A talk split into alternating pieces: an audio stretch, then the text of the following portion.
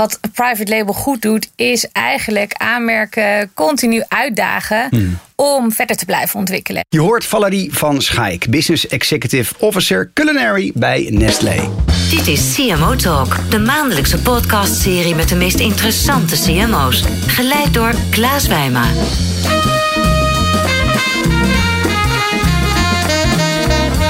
Hoi luisteraar en ook trouwe luisteraars van CMO Talk. Eh, ik ben Klaas van creatief marketingbureau Energize. En we hebben weer een hele verse, bijzondere CMO Talk voor je klaarstaan.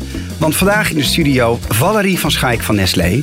En Valerie en ik kennen elkaar al lange tijd, ook vanuit de Effie-jury.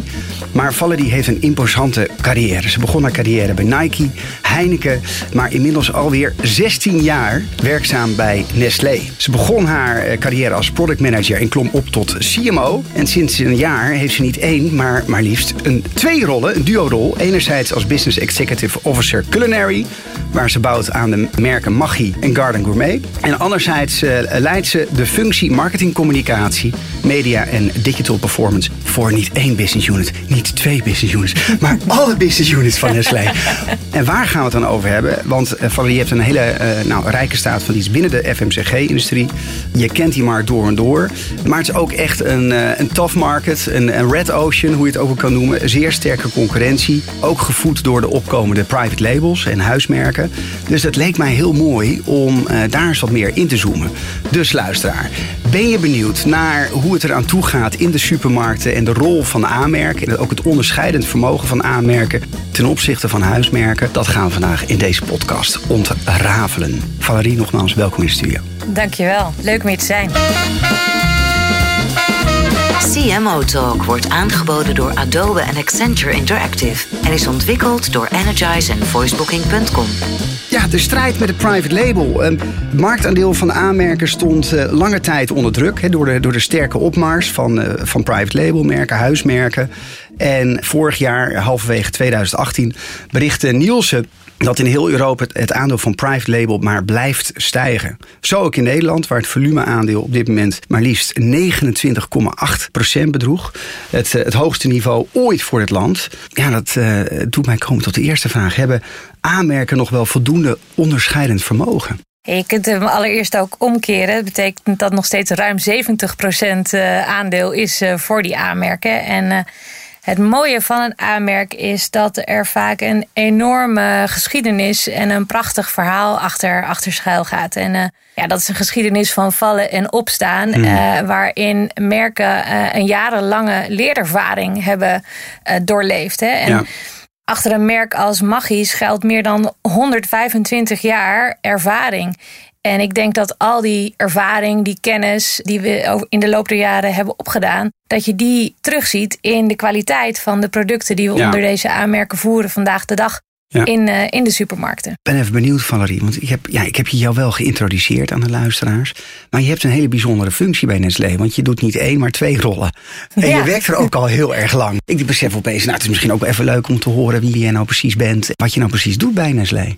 Jeetje, dat is een hele brede vraag. Dus ja. waar wil je dat ik begin? Nou, begin gewoon met uh, jouw functie. Ik ben verantwoordelijk voor alle culinaire producten. Voor de avondmaaltijd zou je het eigenlijk ja. simpelweg kunnen zeggen. Uh, dus daar vallen de merken Maggi en Garden Gourmet onder.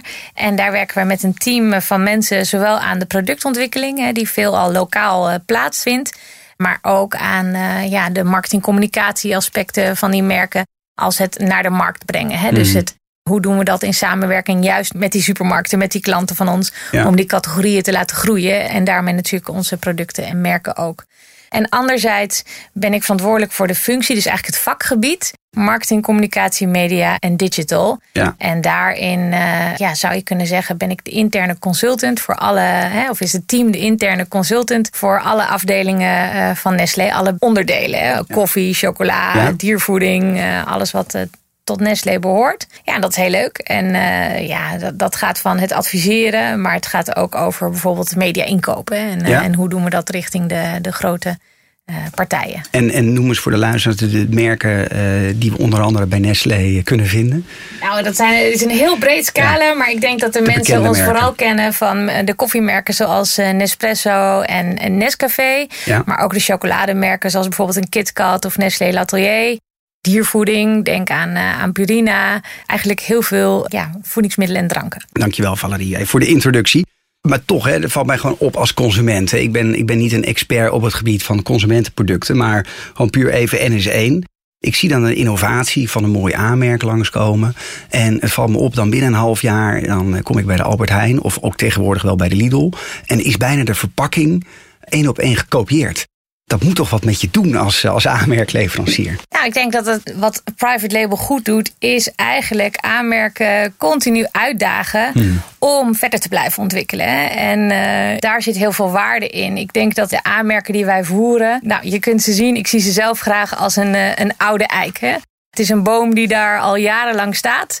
Eh, met hele diepe, diepe wortels van kennis die erachter staat. En tegelijkertijd is het een oude boom met takken die je af en toe moet snoeien en waar weer andere takken aangroeien. Ja. En dat is denk ik ook wordt onder andere gevoed door het feit dat private label ons uitdaagt. Andere eh, aspect daarvan is eigenlijk dat onze leefgewoonten continu veranderen. Hmm. Dus de voeding die wij vandaag nodig hebben is eigenlijk volledig anders dan de voeding die onze opa's en oma's vlak na de Tweede Wereldoorlog nodig hadden. Eh, dus dat continue leren en doorontwikkelen, ja, dat is denk ik wat intrinsiek in een aanmerk zit. Dus die ervaring, die wortels, dat is iets om uh, ook innovatie uh, op te bouwen. Nou, daar gaan we het straks nog over hebben. Vooraf, ter voorbereiding op, op dit gesprek, toch een beetje verdiept in, in jullie business. En je hebt zoveel verschillende termen. Je hebt private label, je hebt huismerk, je hebt eigen merk, je hebt discountmerken. Wat zijn nou die belangrijkste verschillen? Hoe zie jij dat zelf? Nou, ik denk dat alle termen die jij net noemde komen op hetzelfde neer. Hè? Hmm. Je hebt eigenlijk de, de merken die klanten zoals een Albert Heijn, maar ook een Aldi en een Lidl uh, direct bij voedingsmiddelenleveranciers zoals een uh, Nestlé inkopen. Ja. En je hebt de producten die ze in eigen opdracht ontwikkelen. En dat doen ze ook vaak met een derde partij. Okay. En uh, ja, dat is het verschil. Die, de, de producten die ze zelf inkopen en ontwikkelen met behulp van een derde partij. Dat noem je dan het eigen merk of het huismerk. Of als het bij Aldi en Lidl in de schappen ligt, noem je dat dan het hard discount merk. Oké, ja. En private label, is dat een verzamelnaam voor die eigen merken en huismerken? Ja, zo zou je dat zeker mogen zien. Ja, dan even terug nog naar die cijfers van Niels. Want dat triggert mij toch wel. Ja, inderdaad, nog steeds 70 procent. Maar je ziet toch wel aan de andere kant dat private label de afgelopen jaar enorm in opkomst is geweest. Hoe verklaar je dat? Hoe kan het zo zijn dat private label zo heeft, heeft kunnen groeien de afgelopen jaren? Ik denk dat, je, uh, dat het eh, allereerst de strategie is van de klanten zelf. Hè. Dus mhm. je ziet dat, een, uh, dat onze klanten, Albert Heijn, Jumbo's, uh, daar ook meer focus op leggen. En daar dus ook veel meer energie op die ontwikkeling inzetten. Mm. Hè, en zeker aan de verskant, hè, daar zie je natuurlijk dat de ontwikkeling daar het hardst gaat. Daar zie je ook gewoon dat ze ja, regelmatig nieuw nieuws uh, inbrengen. Om met nieuwe verse producten ja, hun klanten te verrassen. En daarmee ook hun formule hè, te onderscheiden van de andere. Dus jij denkt ook meer dat die private labels of die, die huismerken, uh, dat het ook meer een soort van catfight is tussen de grote supermarkten op hun eigen niveau. En, en die zien zichzelf minder als concurrent van de absolute aanmerken. Positieve aan deze ontwikkeling vind ik dat meer dan ooit supermarkten met elkaar concurreren op het hmm. aanbod wat ze voeren en eh, daarin wat minder op het oude prijsinstrument. Dat is, blijft nog steeds een belangrijk instrument voor een supermarkt om in te zetten. Maar het mooie is dat ze eigenlijk bouwen aan eh, relevantie en onderscheidendheid door het, het aanbod wat ze in de winkels eh, voeren. Hoe voorkom je dat je als aanmerk te veel promotie maakt voor de categorie in plaats van het merk specifiek. Met name als het gaat over ja, echt innovaties. Ja, vooral door onze blik op de lange termijn. Dus we weten dat voeding en voedingsbehoeften veranderen. Mm. Enerzijds moet je je voorstellen, na de Tweede Wereldoorlog eh, leefden wij heel anders. Tegenwoordig uh, wonen we in een keurig geklimatiseerde woning. Stappen we ochtends in onze perfect geklimatiseerde auto. En gaan we naar onze geklimatiseerde kantoor, waar we dan ook nog eens uh, kampioen zitten zijn. Ja. dat was bijvoorbeeld vlak na de Tweede Wereldoorlog heel anders. Daarmee werden we veel meer blootgesteld aan de elementen. En verrichten we ook veel meer fysieke arbeid. En dat verandert compleet de behoeften die we vandaag hebben als het gaat over voeding. Je ziet ook dat mensen gelukkig zich steeds bewuster zijn van wat ze eten. Ze willen weten wat ze eten, hoe dat bijdraagt aan hun eigen gezondheid, maar ook ja, wat de impact daarvan is op de wereld. Nou, dat zijn dingen die wij, hè, trends en ontwikkelingen die wij centraal stellen in alles wat we doen. En daar kijken we dan met een lange termijn blik naar. Hè. Dus wij zijn tien jaar geleden al begonnen met het aanpassen van onze producten, zodat ze vandaag de dag uh, voldoen aan de behoeften die mensen hebben. Ja. En ik denk dat dat is wat aanmerken relevant houdt. Hè? Dat continu vooruitkijken en, uh, en anticiperen op veranderende behoeften en daar de antwoorden voor. Uh, voor Kun je een voorbeeld geven over ja, een project wat, je, wat jullie tien jaar geleden hebben opgezet en wat jullie nu succesvol hebben geïntroduceerd? Een concreet voorbeeld is bijvoorbeeld uh, magie en zout. Ik denk dat dat een, uh, ja. een uh, logische combinatie is. Hè, want veel mensen denken bij magie aan zout. Omdat ja. we natuurlijk zijn ontstaan met de uitvinding van bouillonblokjes. Maar ook de magie aroma in de welbekende flesjes. Ja, wij zijn al ruim tien jaar geleden begonnen met het verlagen van zout. Hè, omdat we zien dat de zoutbehoefte nu anders is dan, dan vroeger. En vandaag de dag voldoen we eigenlijk aan de, norm zoals de Wereldgezondheidsorganisatie die nu stelt, hè, van maximaal 6 gram per dag. Maar we weten ook dat die in 2025 naar 5 gram per dag staan. Ja. En uh, ja, de realiteit van onze producten is dat voor 60% we daar al zijn en eind van dit jaar 70%. Hè. Dus, dus het feit dat we daar al tien jaar geleden mee begonnen zijn, betekent dat we eigenlijk voorlopen op die vraag uh, naar het minder zout eten daar maak je eigenlijk in positieve manier promotie voor de hele categorie. Kan ik me ook voorstellen, ook voor concurrenten. Jongens, die zoutconsumptie, dat gaat niet goed. We moeten letten op ja, ons voedingspatroon, op gezond eten. Dat andere concurrenten ook mee moeten gaan in die beweging. Lijkt mij zo. Dat hopen we wel. Ja, zie je dat ook gebeuren? Uh, ja, meer, meer zie je dat daarin uh, andere merken ook dit centraal stellen. En gelukkig ook bijvoorbeeld juist huismerken hè, daar nu ook actief op bijdragen. En daarin is het ook denk ik onze rol om het goede voorbeeld te geven. En om ook daarin de drijvende kracht te zijn. Want het is iets wat stap voor stap en voorzichtig moet gebeuren. Mooi, bijzonder. Ja, ik, ik, ik zie nu iemand vanuit de regiekamer deze kant op komen. Uh, ja, ja. Het is mooi. Het is, het is een podcast, maar uh, volgens mij worden we nu overvallen, Valerie. Dit is Ben Hakstegen. En Ben Hakstegen ja. is uh, onze chef. En hij Kijk. doet eigenlijk alle productontwikkeling voor ons in Nederland. Onder andere is hij degene die al tien jaar lang de drijvende kracht is achter de zoutverlaging in, in Maggi. Dus mooi. waar we vandaag staan, hebben we zeker aan, aan zijn bijdrage te danken. En ja, hij komt je vandaag ook een andere innovatie van ons laten proeven. Het is ook gelijk een mooi nieuw nieuwtje, want uh, dit komt uh, vanaf het moment van de uitzending over twee, drie weken op de markt. Dus jij bent de eerste oh nee, wat gaaf. Uh, die we dit laten proeven. En wat ben? hebben we hier? Vertel eens. Het is een Incredible Burger. Het ja. is een helemaal vegetarische burger ja. op basis van soja. Hij ziet er in de verpakking uit als een rauwe hamburger. En hij smaakt ook echt als een hamburger. Zoals oh, wat het gek. moet smaken. Ik zou zeggen, ik, ik en ben uh, vel je oordeel hierover. Ja. Maar, uh, ja. Ik heb thuis een bastard en uh, ik hou heel erg van, van grillen. Maar ik moet zeggen, wat ik hier nu zie, ik zie een prachtig broodje voor me. Met een, nou, wat zit er allemaal op? Een tomaatje, lekker sausje, komkommer. Nou, het ziet er echt uit als vlees, moet Ja. ik zeggen. Nou, ik ga een hapje nemen. Dit gaat er natuurlijk om hè, dat we het belangrijk vinden om mensen te bewegen naar een meer plantaardig uh, dieet. Dus deze hamburger is naast soja ook van bieten, wortel en eigenlijk datgene wat je in je tuin vindt gemaakt.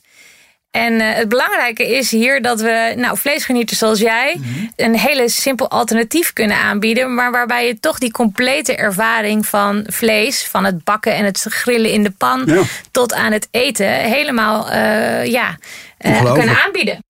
Waardoor ook jij uh, verleid wordt om toch een paar keer per week dat vlees te laten staan. Ik ben inmiddels, ik ga nu mijn derde hap nemen. Ik vind hem lekker.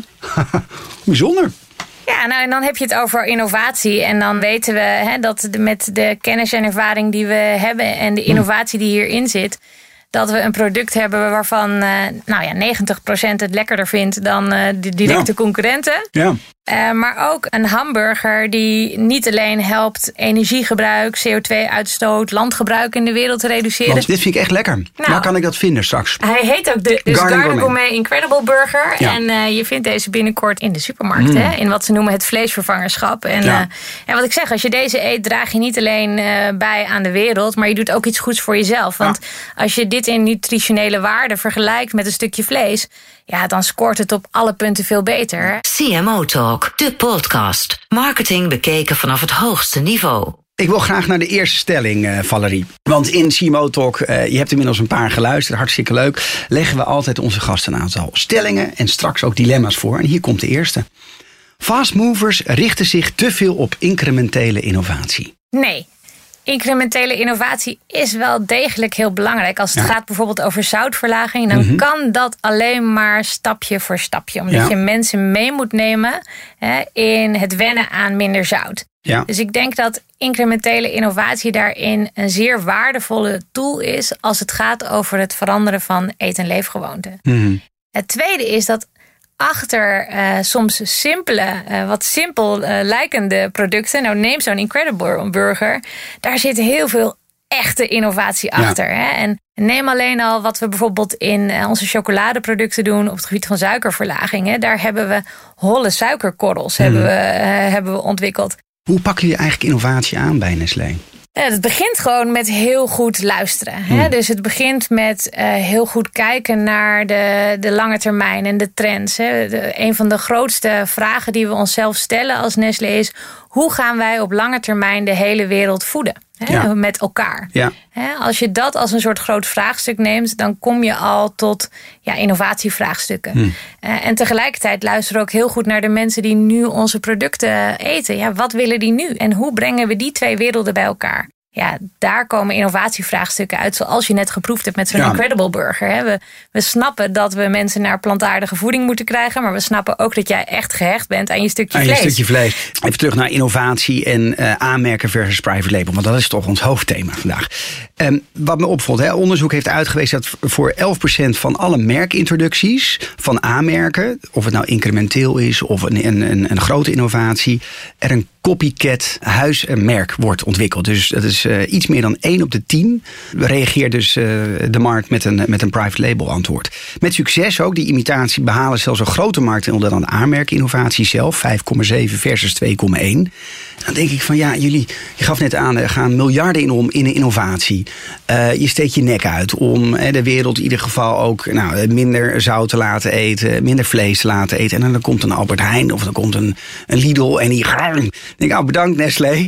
Hoe, hoe kan je daar als, als aanmerk nou echt juridisch tegen beschermen? De juridische weg is uiteindelijk de weg uh, via patenten, octrooien ik vind eerlijk gezegd belangrijker dat we uh, meer en meer mensen ook bewust maken van die wereld die achter die aanmerken uh, schuil gaat. Hmm. En kijk, mensen kiezen op waarde voor je geld. En het is aan ons om die waarde goed over te brengen. En die waarde zit bijvoorbeeld ook over het werk wat we in onze keten doen. He, dus als het gaat over de keuze die je maakt voor bijvoorbeeld koffie of, uh, of cacao, dan is de prijs in het schap voor het aanmerk, daar gaat ook achter alles wat we in de keten voor bijvoorbeeld de koffie en cacao boeren doen. Ja. En daar vind ik dat we als Nestlé echt op weg zijn om mensen veel meer eh, duidelijk te maken.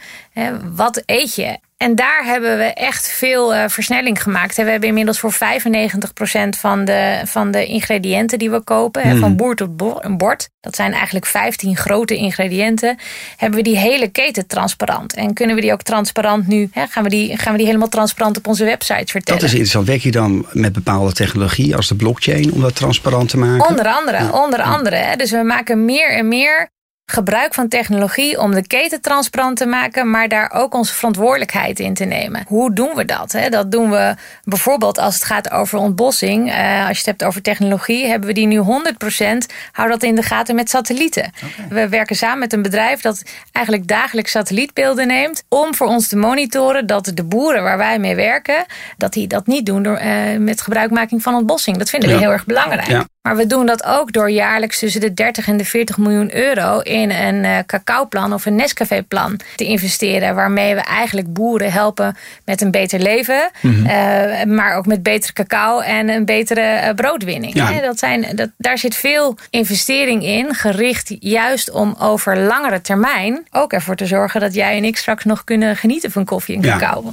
Maar toch kan ik me voorstellen dat het lastig is. Dat je zegt van nou weet je, we hebben mooie innovatie. Jullie doen ontzettend mooie dingen als Nestlé. En dan komt zo'n uh, private label en die denkt: hé, hey, dat is mooi, dat slaat aan, kopiëren en door.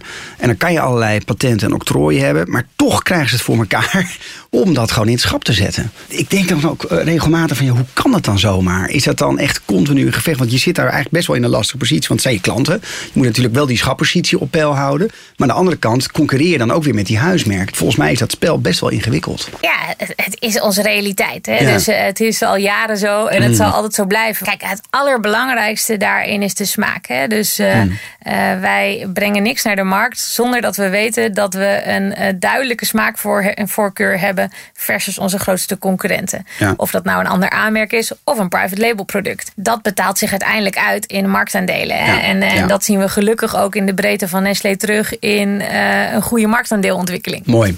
Ik eh, wil naar een, eh, een volgend onderwerp. En dat is de estafettevraag. Want ik had vorige maand in de studio Annemarie Jozen, de CMO van Marktplaats. En ze heeft een, eh, een hele mooie vraag voor jou. Ja, Valerie, ik las dat je een hele mooie visie hebt. Dus eh er stond diepgaand begrijpen, eh, continu leren en jezelf blijven uitdagen als merk. Op die manier kun je maximaal bijdragen aan het eh, leven van mensen. En ik vroeg me af, hoe weet je of dit gelukt is? Hoe meet je succes? En hoe ga je om met de druk op de korte termijn resultaten? Mooie vraag. Allereerst, leuk eh, dat ze zich zo in mij verdiept heeft. Bij Nestlé is het belangrijkst dat we altijd juist gericht zijn op die lange termijn. hè. En de lange termijn heeft bij ons de prioriteit juist boven die korte termijn. Tweede is, wat ik zei, ik zie ons als die oude eik met diepe wortels. En continu moeten we die oude eik goed onderhouden. Door te snoeien aan takken en ervoor te zorgen dat nieuwe takken opbloeien. Dat doen we door te kijken naar de grote trends en bewegingen en vraagstukken in de wereld enerzijds. En die te balanceren met wat mensen vandaag willen. Hoe meten we of we succesvol zijn? Nou, dat meten we aan de ene kant in onze keten. Werken die boeren nog steeds graag met ons samen? Zorgen we daadwerkelijk dat hun, hun leven, dat we positieve impact maken op hun leven? Zorgen we dat we de juiste progressie maken als het gaat over milieuneutraal opereren? Dat is de achterkant. Hè. Dan weet je dat je een positieve bijdrage levert aan de wereld. Ja, dat zijn dan happiness scores of NPS'en of, of Nou, heb je daar hebben, bepaalde we hebben KPI's voor? 42 eh, doelstellingen die Zo. we daarin continu eh, meten of we Ja. op het pad liggen Ja. om die doelstellingen te behalen. Dat is een groot dashboard, kan ik Dat is een groot, eh, een groot dashboard, maar er liggen ook veel vraagstukken op gezondheid, op het eh, gebied van de, de boeren en hun levens, maar ook op het gebied van eh, natuurlijk gewoon de planeet en wat we daarvoor doen. Dat meten we aan de achterkant, eh, Ja. dat succes. En aan de voorkant vertaalt dat zich in het marktaandeel. Ja. je zou daarin de voorkeur van de mensen moeten verdienen. terug moeten zien. En terug moeten zien. En Ja. gelukkig eh, zien we dat. Als business executive officer ben je verantwoordelijk voor uh, Maggi en Garden Gourmet. Ik heb net uh, fantastische burger mogen proeven. Wat we ook zien, dus even, ik wil eigenlijk even op het laatste merk nog wat dieper inzoomen. Dat, dat fascineert mij wel, want je gaf net aan van nou, consumentengedrag uh, verandert. Mensen krijgen andere voorkeuren. Groei in interesse voor vleesvervangende producten. Jullie zijn al een tijdje met Garden Gourmet op de markt. En zien jullie dat ook terug in jullie cijfers? Zien jullie ook echt uh, substantiële stijging in groei vanuit die, die marktbeweging terug? Ja, dat is een enorm groeiende categorie. En Hmm. dat is goed. Ik denk, als je het vergelijkt met, uh, met vlees, dan is er ook nog enorme uh, groeikans. En daar heb je een stuk educatie, voorlichting, het creëren van behoeften. En hoe doe je dat? Het begint je uh, met te realiseren dat mensen ontzettend genieten van vlees. Hè? Ja. Dus, uh, en als ik nu tegen jou zeg als vleesgenieter, joh, uh, voor de wereld is het belangrijk dat jij dat stukje vlees laat staan. En vooral de zaken gaat eten die uit je tuin komen, hè? groenten. Ja. ja. dan denk jij, nou, dat klinkt heel goed, maar het voelt ook een beetje saai. Hè? Laten, we, laten we eerlijk zijn. Dus voor ons is het belangrijk om ervoor te zorgen dat we jou verleiden om die switch te maken. Ja. Hè? En door jou eigenlijk dezelfde ervaring te bieden. En daarnaast moeten we natuurlijk ook zorgen dat we het maken van het eten van, van groenten en planten en zaden, dat we dat uh, met alle ervaring en kennis die we hebben op het gebied van recepten, dat we dat voor jou uh, ja, echt een fantastische ervaring maken. Ja. En dat zie je bijvoorbeeld in de horeca natuurlijk nu ook heel mooi gebeuren. Hè? En, uh, vroeger, ik ben getrouwd met een chef. Vroeger was het vegetarische gedeelte van de menukaart. Nou, daar was als chef uh, geen eer aan te behalen. Dat was een heel klein onderdeel. Ja, en nu is het eigenlijk juist dat deel van de menukaart... waar je chef zijn kennis en ervaring en expertise laat zien. Ik denk dat dat ook voor ons geldt. Ik leg je nou een aantal keuzes voor. En je moet er uh, iedere keer eentje kiezen. En dat doen we in de vorm van dilemma's. En na afloop mag je eentje uitlichten waarvan je zegt... Nou, die, daar wil ik nog even wat over vertellen. Oké? Okay? Ja. Innovator of early adapter? Innovator. Branding of promotie? Branding. Penetratie of loyaliteit? Penetratie. Multi- of single brand organisatie? Multi-brand organisatie. Ik zag bij de eerste twee nog even je ogen naar links naar rechts schieten. Maar wil je eentje, wil je eentje toelichten, Valerie? Wat was de eerste ook De eerste was Innovator of Early Adapter. Je hebt uiteindelijk beide nodig. Hè? Dus eh, ik denk dat we. Maar het is belangrijk om daarin wel uiteraard je voorsprongen op te bouwen. Dus je hebt uiteindelijk als innovator heb je de rol om eh, alle kennis en ervaring die je hebt om te zetten in vernieuwing en daarmee het pad te leiden Ja. naar de toekomst. Nog even over die loliteit en eh, penetratie. Baron Sharp. Ja. Daar heb je waarschijnlijk wel eens wat ik van voelde gehoord, hem toch? aankomen. Heb je, ja, het boek heb je waarschijnlijk gelezen. ja. Wat vind je van eh, het boek? How Brands Grow. Het daagt ons zeker uit. hè. En eh, ik, eh, er zitten veel, veel inspiratie en wijze lessen in. Eh, ik beschouw het niet als de Holy Bible zoals ik observeer dat sommige mensen het, Ja. het zien. Hè. En Ja. Ik vind het zeker interessant. Je had het over penetratie en loyalty. Nou, Ja. ik snap dat die vanuit de Byron Sharp Ja. eh, Challenge komt. Ik kies voor penetratie omdat, nou, neem, neem Garden Gourmet. Penetratie is wat we nodig hebben om mensen meer flexitarisch te laten eten. Tegelijkertijd vind ik loyalty ook heel erg belangrijk. Want dat is Ja. de binding die mensen met je product en je merk hebben. En Ja. ik denk dat goede producten eigenlijk juist te herkennen zijn aan de loyalty. Ja, En zeker als je ook meer naar bijvoorbeeld eh, start-ups kijkt. Dan zie je dat daar heel veel focus is, juist ook op loyalty. Hè? Door het bieden van de juiste service, de juiste productervaring, de juiste. Ik vind het eigenlijk een en-en vraag. Ik Ja. vind dat je penetratie zeker eh, centraal moet hebben. Maar daarnaast moet je zorgen dat je loyalty verdient. Ja. Door de ervaring, die, eh, de complete ervaring die je met je producten eh, levert. mooi. Ik had ongeveer twee jaar geleden Alfred Levy in de studio van, eh, van Ahold. En ja, ik vroeg hem toen, wat, wat, wat is nou het beste businessboek wat je, wat, je, wat je kan aanraden? En toen zei hij eh, inderdaad uh, Barn Sharp, How Brands Grow. Maar het mooie was dat hij het fundamenteel oneens was met wat in het boek stond. Misschien is het leuk om dat fragment nog even in te starten. Als je dat boek goed leest, Mhm. dan wordt er gezegd... als je maar op zoveel mogelijk plaatsen... zo vaak mogelijk aanwezig bent. met je merk... dan vergroot je de kans op je business. Dan zeg ik amehula. Ja. De kunst is, hè, zeker in een wereld waar je niet overal bent... jezelf de vraag te stellen... hoe maak ik mensen loyaal Ja. aan de propositie, aan het idee, aan het product... toepassing van het product. En hoe zorg ik ervoor dat als het er niet ligt... dat mensen aan jou vragen... leg het er alsjeblieft wel neer, want ik wil het graag hebben. Als mensen van Apple, nog steeds... ik vind Apple nog steeds een iconisch en sterk merk... Ja. Als mensen van Apple Byron Sharp lezen... dan zullen ze het wegleggen en zeggen... wij ontwikkelen producten die mensen echt graag willen. Ben je het met hem eens? Ja, ik denk echt dat het hand in hand gaat. En ik ben zelf meer een fan van eh, Simon Sinek, Start with Why. Ja. Hè? Dus, eh, en eh, daar geloof ik fundamenteel in. Hè? Je, je moet heel erg in jezelf te raden gaan. Hè? Ik ben moeder van twee kinderen. Ik wil een betere wereld doorgeven. Dat is mijn why. En die vind ik terug in ons bedrijf. En ik, die moet in alle producten die wij naar de markt brengen, moet die ook te voelen en te vinden zijn. Ja. En ik geloof dat dat op lange termijn zich uitbetaalt. Eh, ook zakelijk gezien. Ja. Hè? Dus ik geloof heel erg in de balans van hoofd, portemonnee en hart. Ja. En dat mis ik wel in, in, Byron Sharp. En ik zie dat in start-ups die gedachte veel centraler staat. Hè? En daarin gaat het echt over die, die why, maar ook echt over de ervaring die je biedt. En dat maakt ze super succesvol. Ja, mooi. Jij mag een vraag stellen aan mijn volgende gast, eh, Valerie. Want voor de 44ste editie van CMO Talk gaan we het hebben over B2B marketing en met name ook sponsoring. Ja, en eh, daarvoor hebben we Martijn Delahaye van eh Avas in de studio. En wat zou je hem graag willen vragen? Nou, ik heb gezien dat hij ook vader is van kinderen. Van ja, waar zit zijn why? Hè? Wat is wat hij eigenlijk middels zijn, het uitoefenen van zijn vak wil, wil toevoegen aan deze wereld? Ja, mooie vraag. Stay tuned. We gaan het hem vragen. Ehm, ik wil graag eh, met jou hebben over een paar persoonlijke vragen, als dat kan. En, eh, en, jou, en jouw persoonlijke pad. Want we krijgen inmiddels een steeds beter beeld van jou. Eh, ik heb geleerd dat jouw man chef is. Ja. en dat je ook graag producten ontwikkelt vanuit een why, vanuit een purpose. Hè? Maar ik ben benieuwd, je werkt al inmiddels al 16 jaar bij Nestlé. Dat is een hele lange tijd, toch? Ik word het niet eens weer tijd voor iets nieuws.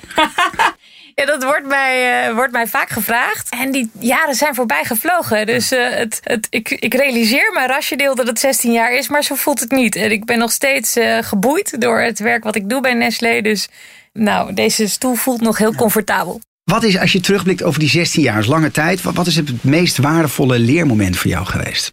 Het mooiste vind ik, als ik het mag samenvatten, dat ik bij Nestlé de kans heb gekregen om een hele eh, grote variëteit aan dingen te doen. Hmm. En die ontwikkeling in de breedte, dat is ook altijd wat ik tegen jonge mensen zeg. Neem de tijd en vul je rugzak met ervaring. Hè?